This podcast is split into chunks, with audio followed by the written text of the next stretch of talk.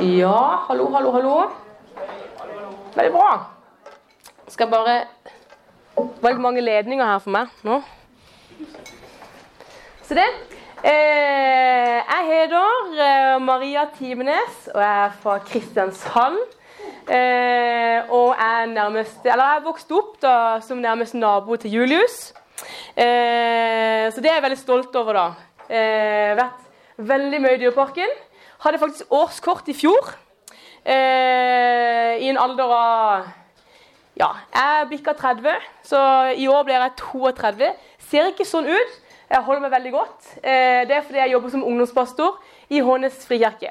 Eh, og det trives jeg utrolig godt med.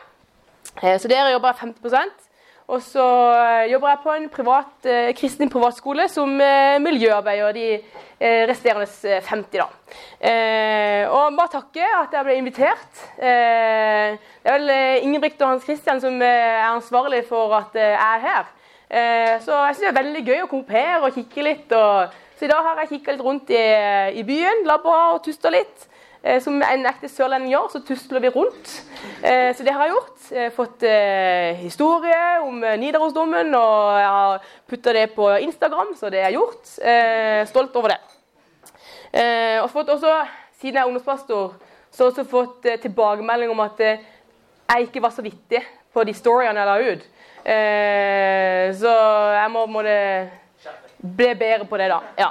Jeg trodde jeg var vittig, var jeg ikke det. Eh, så det, det, er greit. Det, bare, det, må jeg leve med. Det er, det er jo konstant i mitt liv at jeg får høre fra mine ungdommer og kjipe og teite, og at jeg ikke skjønner hva de snakker om. og sånne ting. Men eh, forhåpentligvis så har vi en felles forståelse i kveld. da. Det håper jeg jo på. da.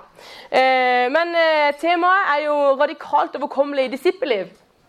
Eh, og jeg vet ikke hvordan disippelliv du lever, eller om du har tenkt på disippelliv, eller om du tenker at du lever et disippelliv, eller eh, om du er kristen eller ikke kristen. Altså, jeg, jeg kjenner jo ikke det, eh, og du kjenner jo dessverre ikke meg. Eh, men eh, gjennom eh, denne kvelden så håper jeg at eh, du blir litt bedre kjent med meg.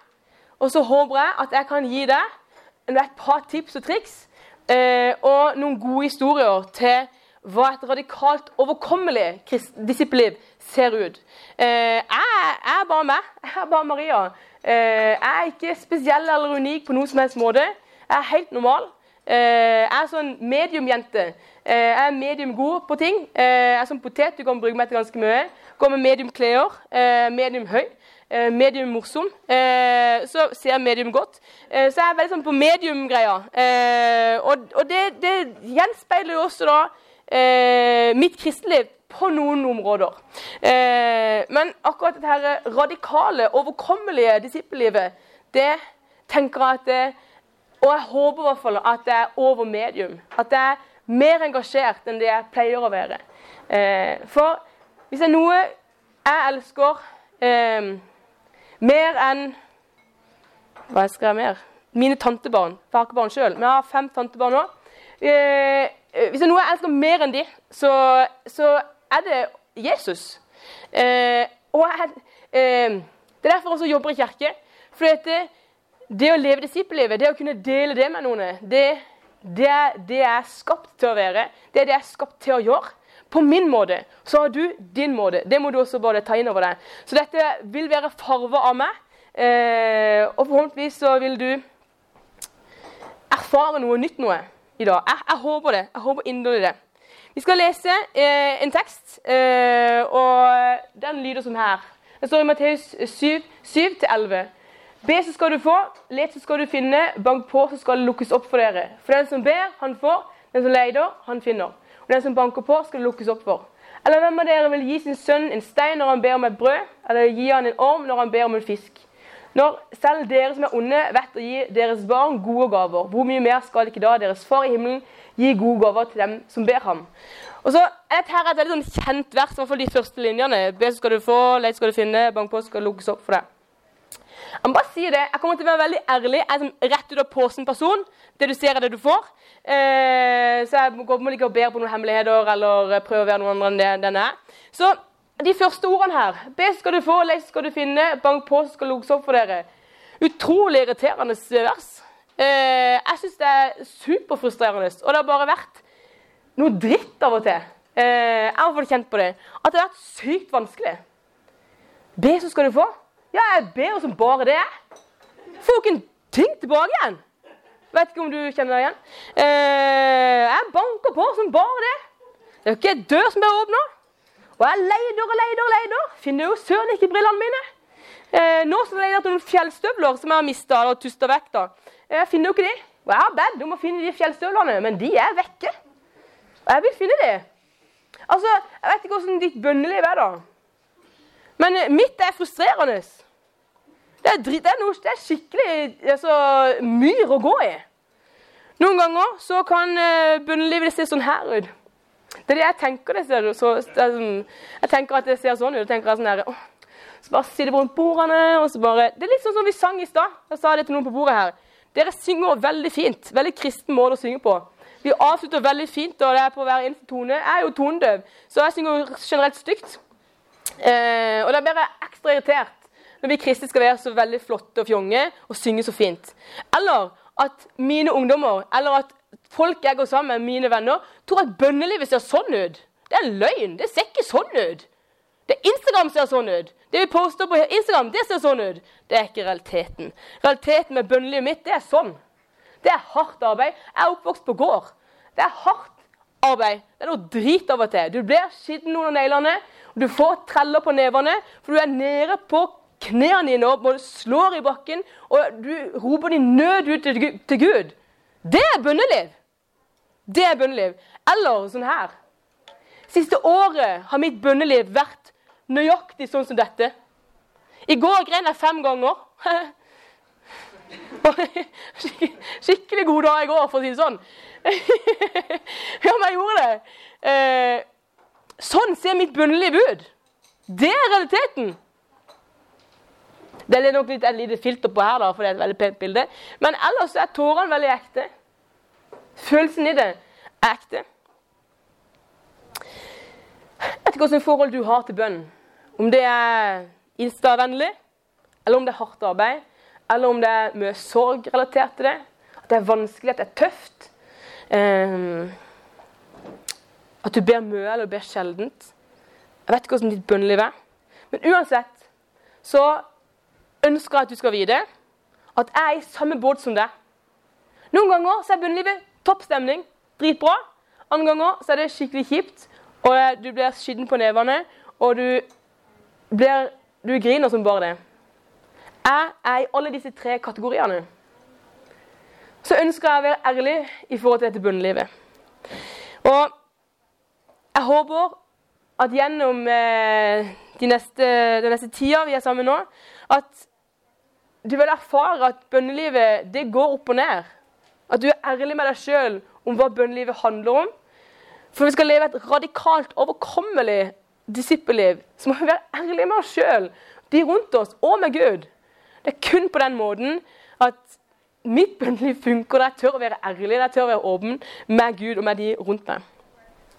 Eh, vi skal se på disse versene som jeg leste. Eh, og hvis du ser eh, i første setning der, så har jeg merka av noen ord. Be, leid og bank. Eh, og hvis det ikke tar helt feil, så er dette aktive ord. Det er jo aktivt, det å be, og det å leide, og det å finne og det å banke på. Det er aktive ord. Og da tenker jeg at mitt bønneliv også burde være aktivt.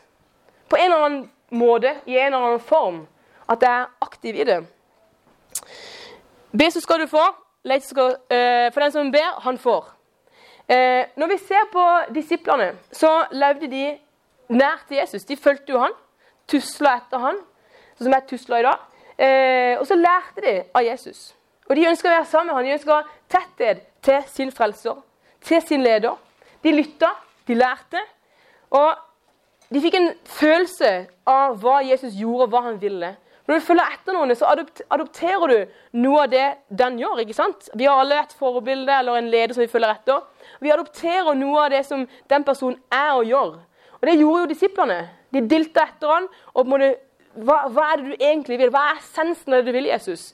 Så prøver de å søke det, og de går nærmere og nærmere Jesus. og De dilter etter han, de følger etter han. Uansett han han er, han er, så er de der etter han. De er på en måte eh, som en liten kattunge som velger en valp som løper etter. For de vil være nær. De vil lære. For der han går, det vil de være. Og der Jesus går, det vil jeg være. De ønsker å høre hva han har å si, for å lære og for å forstå. Tenk dere å få en samtale med Jesus på den tida. Du følger etter Jesus. Tenk det. Det er kult. Altså, jeg har søkt uh, audiens hos Mette-Marit. Uh, har ikke fått svar. Skuffa. Uh, men det er fordi jeg vil, jeg vil snakke med Mette-Marit om tro. Hun, hun, kommer jo til å bli dronning en annen dag, gjør hun ikke det? Da vil jeg, jeg, vil, da vil jeg ha snakka med, med, vår dronning. hva, hva tenker du om tro? Det er viktig for meg. Det er viktig for meg. Det betyr noe for meg. Har du søkt om audiens hos Mette-Marit? Vi burde alle gjøre det. Kanskje en av oss kommer inn på Slottet. Jeg kommer tydeligvis ikke inn.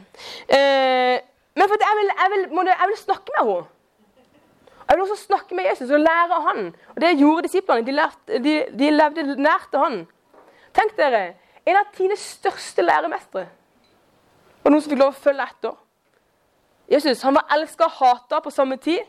Han var kontroversiell, men han var sabla god òg. Rundt Jesus der skjedde det ting. Og der skjer det ting. Husk det, det skjer ting rundt Jesus nå. Der ville disiplene være, og der vil jeg være. Rundt Jesus, nær til Jesus. Når jeg lever nær til Jesus, da skjer det ting. Der vil jeg være.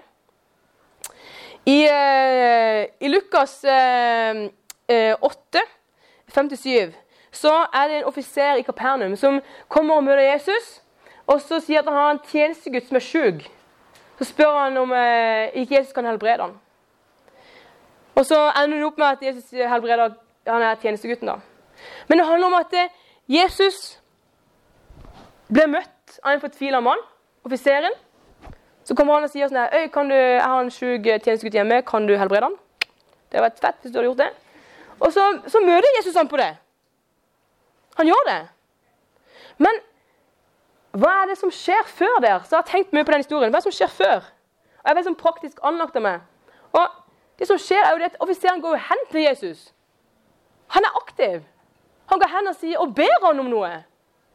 Hvis jeg bare skal sitte og tenke jeg håper at noen blir helbreda, eller jeg håper at noen eh, tar imot Jesus Jeg bare håper på det. Mm. Det, det, det, hjelper jo Jeg må jo være aktiv. Jeg må jo gjøre noe. Jeg må jo spørre Gud. Kom an, da. Kan vi, ikke, kan vi ikke be sammen? Kan vi ikke, jeg har lyst til å fortelle deg hvem Jesus er. Jeg må være aktiv. Vi må være aktive. Vi må, vi må aktivisere oss. Vi må ta det skrittet og bevege oss. Offiseren gjorde det. Det, det ble noe av det. Offiseren innså. Jesus reagerte.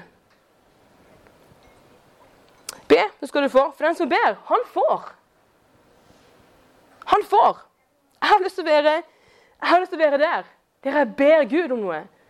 Og dere vet at Gud, han svarer. Eh, en liten sånn fun fact eh, er jo at eh, B i dette verset er ordet B. Det er oversatt fra ordet aitea. Jeg vet ikke om jeg uttaler det riktig, men hvem bryr seg? Og det betyr å ikke gi opp med å be. Selv om du ikke får svar helt ennå. Og det er kalt noe sånn som eh, fattigmannskunnskap eller eh, filosofien. For dette, Hvis du tenker på tiggere som sitter og tigger og Vi med Hans Christian, vi forbi ei som satt og tigga i dag. Vi, vi, sa jo heit, og vi så jo, men vi ga ikke noe penger. Men hun satt der. Hun sa, Jeg var der en time, to seinere. Da satt hun fortsatt der. Jeg hadde aldri gått å sitte på den pøsen og tigge dette været. Jeg hadde ikke gjort det. Men en tigger gjør det. De sitter og sitter og sitter og sitter og sitter. Og spør og spør og spør og spør. De gir seg ikke. Den der, for de trenger det. De trenger de pengene. Åssen er det jeg ber? Åssen er mitt bønneliv? Jeg sånn der, Jesus, jeg håper at uh, du hjelper min venn. Amen. Og så tenker jeg, Nå har jeg bedt, nå har jeg gitt det sånn, ferdig, nå snakker nå må det skje. Nå har jeg spurt han. Eller gir jeg meg ikke før det skjer? Her er den derre fattigmannskunnskapen. Det vi ikke gir oss. Det vi, der vi er aktive og gir inn og ber. Der hendene våre blir skitne fordi vi jobber på i bønnelivet vårt. Hvor er vi Hvor er der fattigmannskunnskapen der vi ikke gir oss? Aitea, det har både blitt noe som jeg har holdt meg fast til dette året. Det vil ikke gi opp eller tvile på at Gud vil svare oss. For Gud, han vil. Eh, jeg, hvert eneste år så er jeg på konfirmantleir med ca. 100 konfirmanter. Eh, og eh, så var det et år da det var ei jente som kom hen til meg. Jeg sitter alltid som forbereder. Eh, og Hun kom hen til meg og så sa hun det, ja, hun driver med håndball og hun hadde veldig vondt i ryggen. og sånne ting, Så hun kunne ikke spille håndball lenger. Om jeg kunne be for henne. Visst kan jeg be for deg, sa jeg. Og vi ba. Skjedde ikke en drit. Jeg tenkte bare ja, fett kjør. Eh, så sa jeg du får komme igjen. Bare ikke, ikke gi deg. Oi, Thea. Ikke gi deg. Kom tilbake hver gang vi har møte, hver gang noen eh, sier 'kom deg for, klar for forbønn'. Gå! Ikke gi deg. Jeg har tro på at Gud kan gjøre store ting. Ikke, det handler ikke om meg, at det er meg som må be for deg hver gang, men det handler om at du ikke gir deg, og vi ikke gir oss. Jeg tror at Gud vil helbrede deg. Og så kommer det, Vi er jo ei uke på leir. Hun kom hver, Hvert eneste møte kom hun, og vi ba og vi ba og vi ba. og vi ba, og vi ba. Vet du, Siste kvelden Gud vet han er en liten luring, så han ventet siste kvelden. Eh, og så eh, ba jeg for hun jenta, og så skjer det jo. Så blir hun sør med helbreda. Det er jo dritfett. Ikke sant? Vi ga oss ikke. Og da fikk hun her unge jenta erfare at Gud er allmektig, Gud er stor, og Gud han svarer på bønnene våre. Han svarer når vi er aktive, når vi ber han, så kommer han ned fra på det, himmelen. Han kommer ned på jorda og beveger seg der vi er. Han er ikke langt vekke, han er nær hos oss. Det fikk hun erfare. Ei ung jente fikk erfare det. Hun snakker enda om det. Nå går hun i vårt ungdomsarbeid. Så spør hun hver gang jeg treffer henne, sier jeg, 'Åssen går det med ryggen din?' 'Jo, det går dritbra.' Hun sier hun får vondt i et kne, så er det vondt et kne. Så sier jeg, 'Vi ber for hverandres knær, OK?' 'Ja, vi gjør det. Kult.' Så når vi treffer han nå, så går det med kneet ditt. 'Jo, det går bra.' Så går ditt kne. 'Jo, det går bra.' Gud er stor! Så har jeg sånn greie på det, da. Eh, men det er ikke for alle. Jeg skjønner det. Eh, men hva om det var for alle? Bare fordi at jeg er utadvendt, at jeg er sånn rett ut av posen-person, så betyr ikke det at du må holde igjen. Det betyr ikke det at du ikke kan være med på legen. At du ikke kan få bønnesvar. At du ikke kan be for noen. Jeg er ikke dritgod på å be. Det handler ikke om å være god på å be, men det handler om om du ber. Om du er aktiv, om du legger hendene på noen som er syke. Det er det det handler om. Vi må innse så svarer Jesus, så svarer Gud. Og det er det som er så sykt fett. Og Det er rått å se den jenta komme gang på gang og sier det er så sykt bra rygg, Maria. Og nå er hun eh, av, Hun spiller på sånn lag, volleyballag nå, som reiser rundt og spiller rundt i Norge. Hun er god. Hun er frisk. Og det er ikke pga. meg, men det har alt å si at det var Gud som gjorde henne frisk. Be, skal du få. For den som ber, han får. Eh, leit skal du finne, for den som leter, han finner. Jeg føler at volumet eller varme er skrudd opp nå. Nå har vi gått fra å be, nå må vi begynne å leide. Vi må begynne å leide. Det går fra å be til å leide. Og noen ganger så må jeg vente på svar når jeg ber. Har du opplevd det? Jeg har opplevd det. Noe så kjedelig det er å vente. Vet ikke med det, Jeg hater Biltilsynet. Hate er et sterkt ord. Men Biltilsynet er noe av det kjipeste. Den kjipeste plassen jeg går. Eller vente på buss. Hvor mange her venter på buss i løpet av en dag? Opp med ei hånd. Hvor mange venter på en buss? Her er det ikke flere? Tror det Trondheim var sånn kollektivby. Sånn her. Alle, tar, alle, tenker grønt og Nei, OK. Eh, jeg, tar, jeg tar aldri buss. Tatt buss to ganger i dag, f.eks. Det er jo helt insane. Eh, fordi jeg bor så ulidelig til hjemme. Men det å vente syns jeg er ubehagelig. Eh, det er ikke produktivt. Eh, jeg får ikke gjort noe annet enn å høre på musikk, som er helt greit. Eller kan høre på en podkast prøve å være produktiv. Men jeg står egentlig bare og ser på alle folkene, for jeg syns folk er så gøye. så jeg sitter bare og ser på dem. Det er sånn rar. Men det å vente er utrolig kjedelig. Og det er en ting å stå og vente på bussen, det er en annen ting å stå og vente på bilsynet når du trakk den kølappen. Det er en helt annen ting å vente på bønnesvar. Det er vanskelig, det. Jeg vet ikke om du har bedt noen ganger for noen som er syke. Kanskje noen i familien din som er syke. Og så, eh, Jeg opplevde det. Jeg var, min tante døde for eh, et år siden. Eh, 15. januar. Og eh, vi ba, vi ba, vi ba. Eh, og ingenting skjedde. Hun ble bare sjukere og sjukere, og sjukere, og så døde hun til slutt. Det er jo fortvilende. Det er jo en vond situasjon å være i. Men hei, nå blir det godt å komme ut av det. Så Gud han snur jo noe som er en, en sånn bunnløs smerte, til noe som er Altså Noe som er helt fantastisk. Sånn er Gud. Så når jeg venter, så gjør Gud store ting med meg. Med mitt bønneliv, med min relasjon til Han, så gjør han store ting. Han, han lar meg ikke vente fordi han ønsker å plage meg eller pine meg. Han lar meg vente fordi trenger, jeg trenger å lære noe. Så I ventetida så lærer jeg å komme tett til han. Jeg lærer å prate med han. Jeg lærer å dykke ned i, i Bibelen og, og si Hva er det du vil si til meg i dag? Eller hvem ønsker du at jeg skal møte i dag? For Hvis det er vanskelig å vente, så hva kan jeg gjøre som er aktivt sammen med deg, Gud? Hva kan jeg gjøre?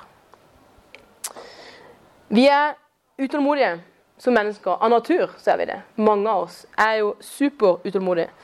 Og i dag så var jeg så utålmodig at jeg eh, skulle på en måte være veldig produktiv. Så jeg gikk med telefonen med sånn noise cancelling headset på Gardermoen. Skulle bare finne gaten min. Du, du, du, og så ser jeg sånn Du vet de her vognene du har på Gardermoen du kan ha bagasjen din i? De her små handlevognene som ikke er handlevogn, men sånn, bagasjevogn. Eh, så var det ei jente som gikk med den, og så så jeg på en måte handlevogna, men jeg så ikke jenta. Og mens jeg går, så bare går jeg i henne. Og så er det jo typisk meg at det er jo ikke, det er jo ikke en vanlig person, dette. Det er jo Tone Damli Aaberge som jeg bare smekker i. Så tenkte jeg det var flaut. tenkte jeg, Ser jo ikke deg igjen. Jeg har aldri sett henne før, annet enn på TV. Eller i Dyreparken. Jeg står i Dyreparken òg. Men eh, så går jeg inn på flyet. Jeg var jo eh, flau. Eh, så jeg setter og skammer meg på flyet. Eh, og der sitter jeg og venter litt. Så kommer Tone Damli inn på flyet. Setter seg skrått bak meg. Og da tenkte jeg feite heller. Dette er enda kleinere enn å gå i det. For nå du vet at det var meg som gjorde det. Så eh, mens vi venter, så kan vi gjøre produktive ting. Mens vi venter, så kan vi gjøre noe. Vær aktiv. Det kan være du dulter henne i noen som du ikke forventer å dulte henne i. Og kanskje det er den personen som Gud ønsker at du skal dulte henne i. Nå snakker ikke jeg med Tone Damli, da, men jeg kunne jo gjort det.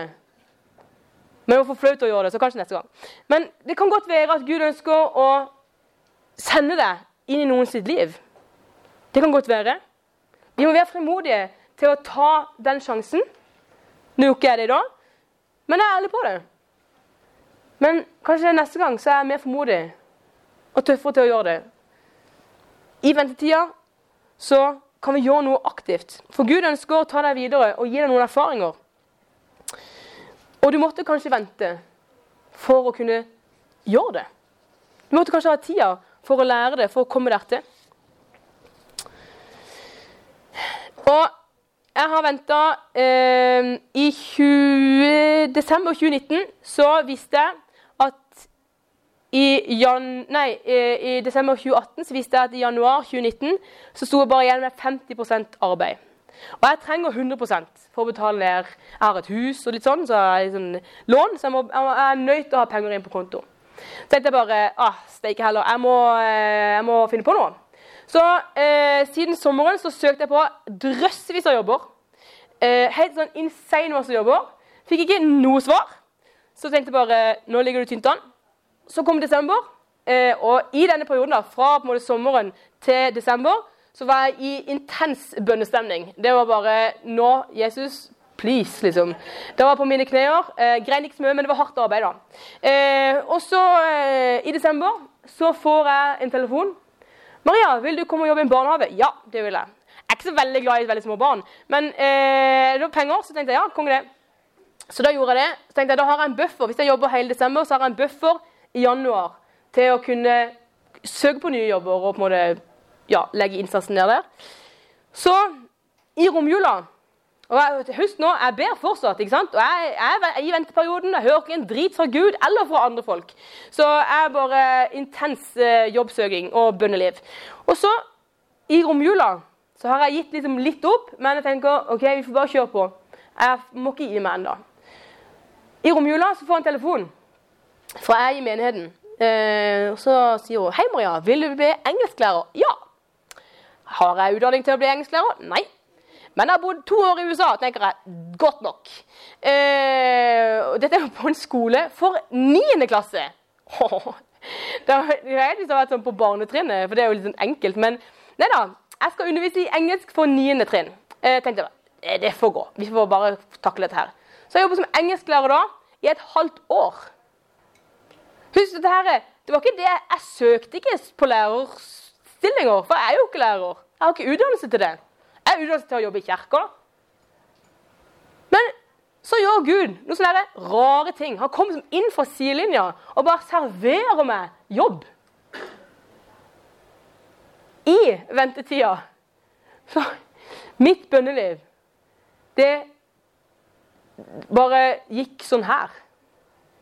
Jeg prata om bønn. Jeg levde bønn. Jeg snakka om bønn. Jeg eh, spurte folk ut om bønn. Jeg leste bøker om bønn. Jeg leste i Bibelen om bønn. Altså, Jeg var helt oppslukt i det. For jeg trengte det. Jeg måtte. Jeg måtte søke det. Jeg måtte være i Bibelen. Jeg måtte være hos Gud. For jeg var desperat. Når er vi desperate? Jo, det er når vi begynner å lete etter ting. Det er når vi begynner å søke Gud og tenke sånn Kjære Jesus, nå må du komme og møte meg på dette området her. Jeg trenger det. Jeg trenger sårt at du stiller opp for meg. Vet du hvordan tiår i livet det du har kjent på disse tingene? Det kan være du ikke har kjent på det i det hele tatt. Eller det kan være du har kjent på det litt for mange ganger, disse desperate bønnestundene eller bønneperiodene i livet ditt. Men jeg kommer til å love deg, jeg lover deg at du kommer til å erfare at du må ned på kne. At du må jobbe hardt, at du kommer til å komme tårer. At du kommer til å måtte føle at du, at du må vente. At det er hardt, at det er vanskelig. For et radikalt overkommelig disippelliv er ikke lett. Det er ikke det vi serverer. Det er ikke det Jesus serverer heller til disiplene sine. At det er et lett liv. Det er et radikalt liv. Det er å ta radikale valg. Annerledes valg. Leve et annerledes liv. Der fokuset vårt er på Jesus og ikke på samfunn og verden. Der når jeg søker jobb, så ber jeg. Søker Gud rundt det. Så kommer Gud fra sidelinja og bare 'Maria, vær så god.' Så blir jeg helt sånn der What? Det var ikke det jeg forventa. Nå har jeg jobbet på den skolen i ett år. I ett år har jeg jobbet på den skolen der. Det var ikke det jeg forventa. Så tok det ett år før jeg fikk én telefon fra én jobb jeg søkte på. Hei, vil du fortsatt ha jobb som personlig assistent? Nei takk, jeg har, jeg har fått jobbe. Vi må velge å stole på Gud. Og det høres ut som en sånn superkristen ting å si. Men noen ganger så må vi velge å gjøre det. I vårt bønneliv, men også når vi har disse her eh, skiftningene i livet vårt med jobb eller med skole, når vi søker på skole, når vi søker på jobb, når vi skal, hvor skal jeg bo henne? Hvem skal jeg bo med? Hvilket kollektiv skal flytte inn i? Det er mye venting, men i den ventetida så tror jeg at vi kan få tilbringe mer tid med Gud. Og så er ikke Gud en sånn der brusautomat som pumper ut bønnesvar. Han er ikke det. Vi kan ikke bruke han som det. Altså, Jeg har en skikkelig rådden bil. En skikkelig dårlig bil. Det er noe galt med girkassa, har vi funnet ut i dag. Eh, og jeg kan jo be og ønske så hardt jeg vil at når jeg kommer hjem, at det står en ny bil på utsida hos meg. Jeg vet jo at jeg kommer ikke til å gjøre det. Kommer bare, Gud kommer ikke til å bare poff, så får jeg en sånn Range Rover, for det har jeg lyst på. Eh, jeg får ikke det. For det, det, er naivt å tenke sånn. At når jeg bare sier Gud, jeg ønsker meg dette her, og så bare går jeg og trykker inn koden, tar jeg inn kortet, sleiper det, og så kommer det ut det jeg vil ha. Det er ikke sånn det fungerer. Sorry. Det er ikke det.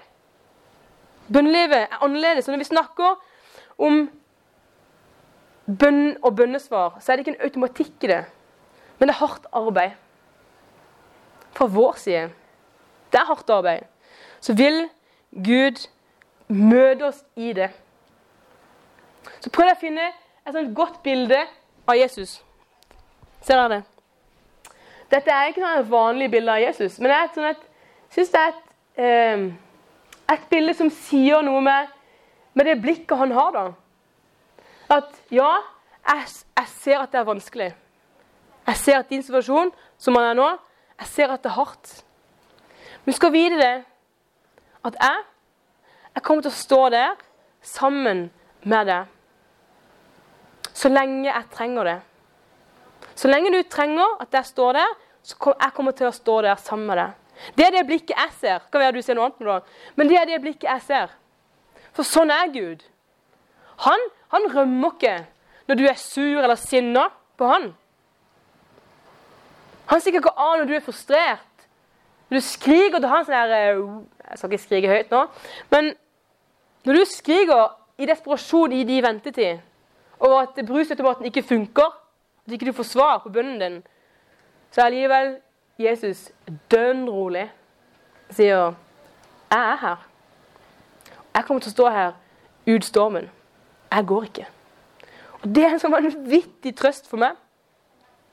Det, det bare Jeg kan få lov å lande i min frustrasjon og i min redsel for jobb eller min framtid. Når jeg står og venter og er desperat, så møter jeg det blikket, og da bare kan jeg falle til ro og tenke ja, Jesus, du og meg, vi er sammen om dette. Jeg er aldri alene, og det takker jeg deg for. Så handler det om at det, i denne bønnen så kan jeg rette blikket mitt mot Han som er livgiveren, Han som holder meg oppe, Han som elsker meg. Det handler om å be med hjertet og ikke med hjernen. Ofte så ber vi med hjernen, men hva hvis vi begynte å be med hjertet vårt? Den lengselen etter å møte Gud i disse tingene som er vanskelige. Og så kan det være at det er en sånn jentegreie. Så dere Følg hjertet ditt. men, men, dere menn, altså. Følg hjertet deres.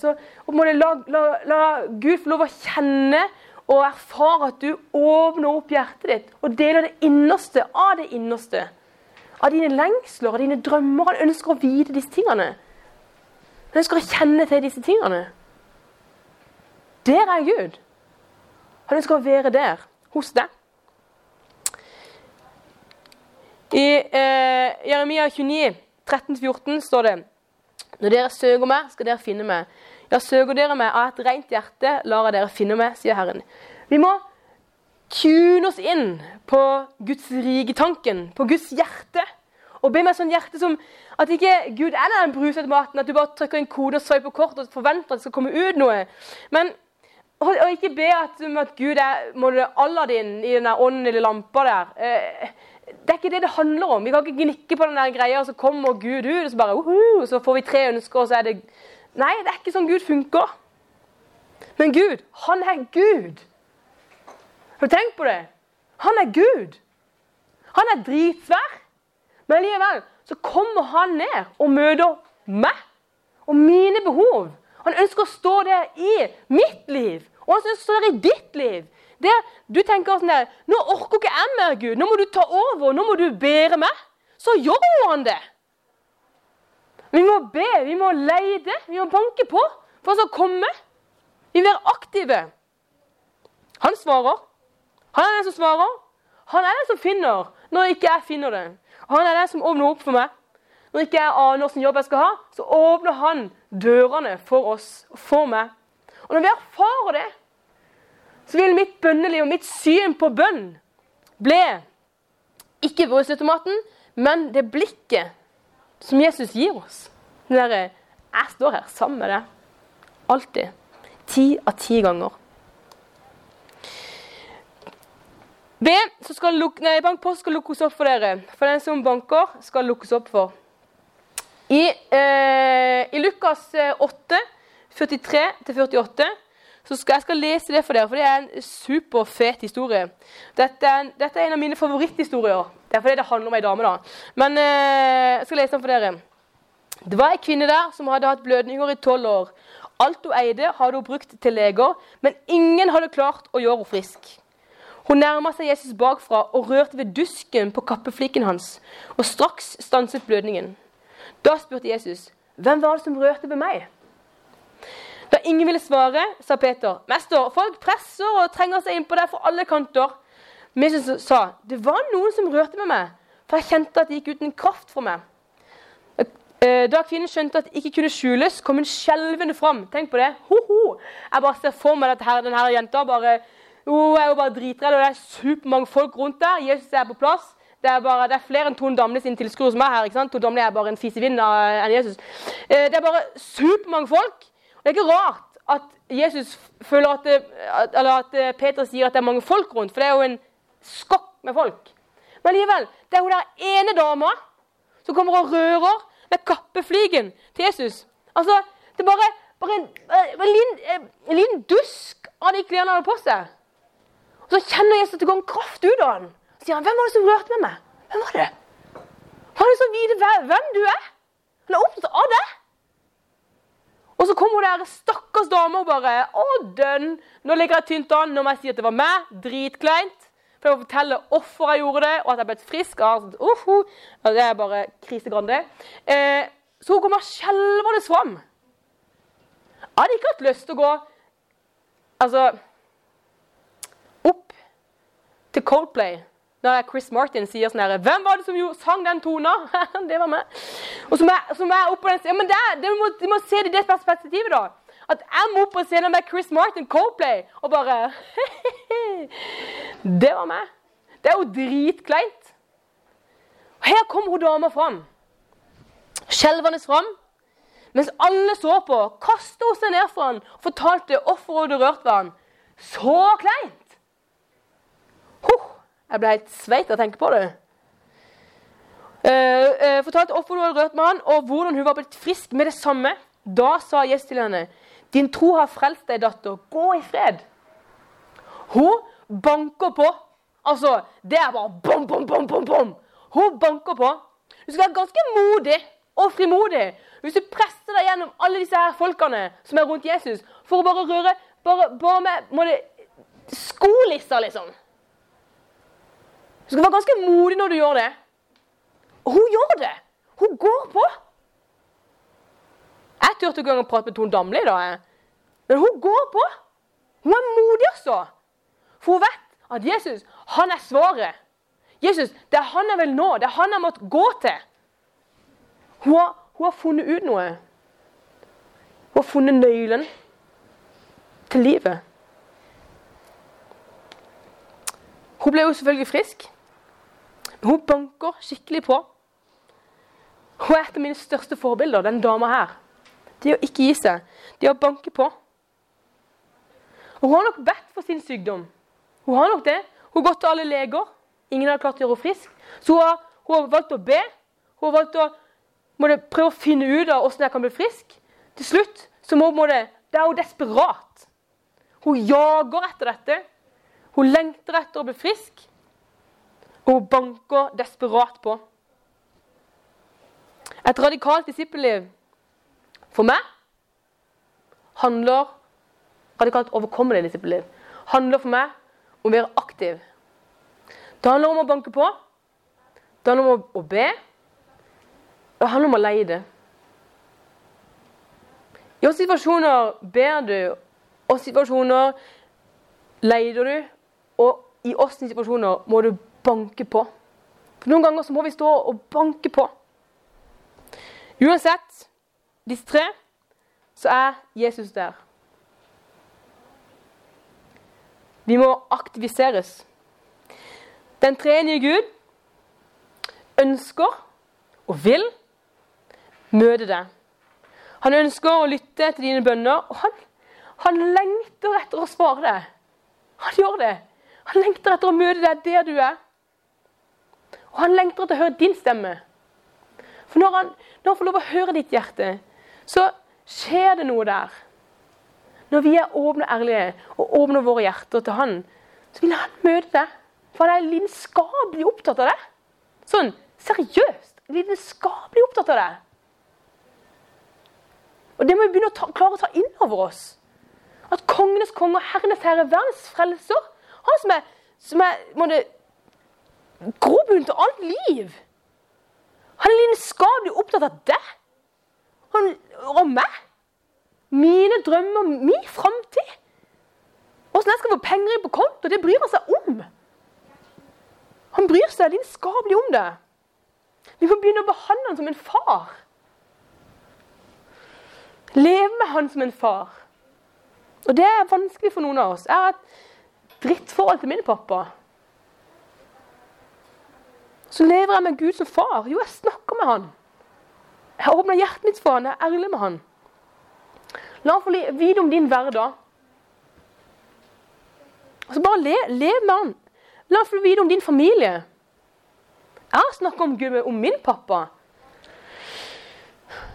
Hva med dine venner? Er det noen av dine venner som ikke kjenner Jesus? Er det noen av dine venner som sliter med et eller annet? Mest sannsynlig ja.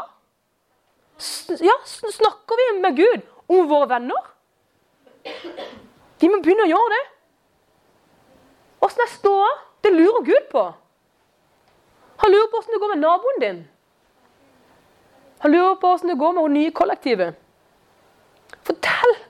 Fortell Gud dette. Be leid og bank på. Se hva som skjer. Ha forventet at Gud stiller opp. Stol på at han stiller opp. Jeg har erfart det gang på gang at Gud stiller opp. Men jeg søren måtte be, jeg har måttet leide, jeg har måttet banke på alle gangene. Det, det betyr ikke at det er lett. Dette radikale, overkommelige disippellivet. Det er ikke lett. Vi må være aktive, og vi må på en måte jobbe litt. Så la da disse ordene be leid og bank på. Ble Jeg sier takk til livet vårt, som vi lever. La det være en påminnelse om at Gud han er nær, og han ønsker å være nær. Nær til de som søker hans sitt hjerte. For dere søker meg, så skal dere finne meg. Men vi, vi må jo innse Vi må jo gjøre noe. For de som søker meg et rent hjerte, så lar jeg dere finne meg. Gud, han gjemmer seg ikke. Han ønsker å møte deg. Så vi kan eh, Dere kan snakke liksom rundt bordene eh, på, eh, i forhold til Når er det Åssen områder i livet Det kan være at det blir litt personlig, da, så jeg kan velge å snu dere litt under det. Men eh, ja, jeg velger å være litt personlig da. Eh, på hvilke områder i ditt liv kan du, må du banke på? Du tenker sånn at her kan jeg bare banke på. Nei, jeg mener B. Her må jeg be. Hvilke eh, situasjoner er det du må leide? Og i hvilke situasjoner er det du faktisk må banke på? Eh, jeg kan fortelle min, eh, et eksempel. Eh, når jeg er i en litt sånn rar situasjon nå, så nå, nå er mitt bønneliv det er å banke på. Sånn seriøst. Banke på. Grein fem ganger i går. Banke på. Eh, Åssen situasjon er det du må be, leide eller banke på?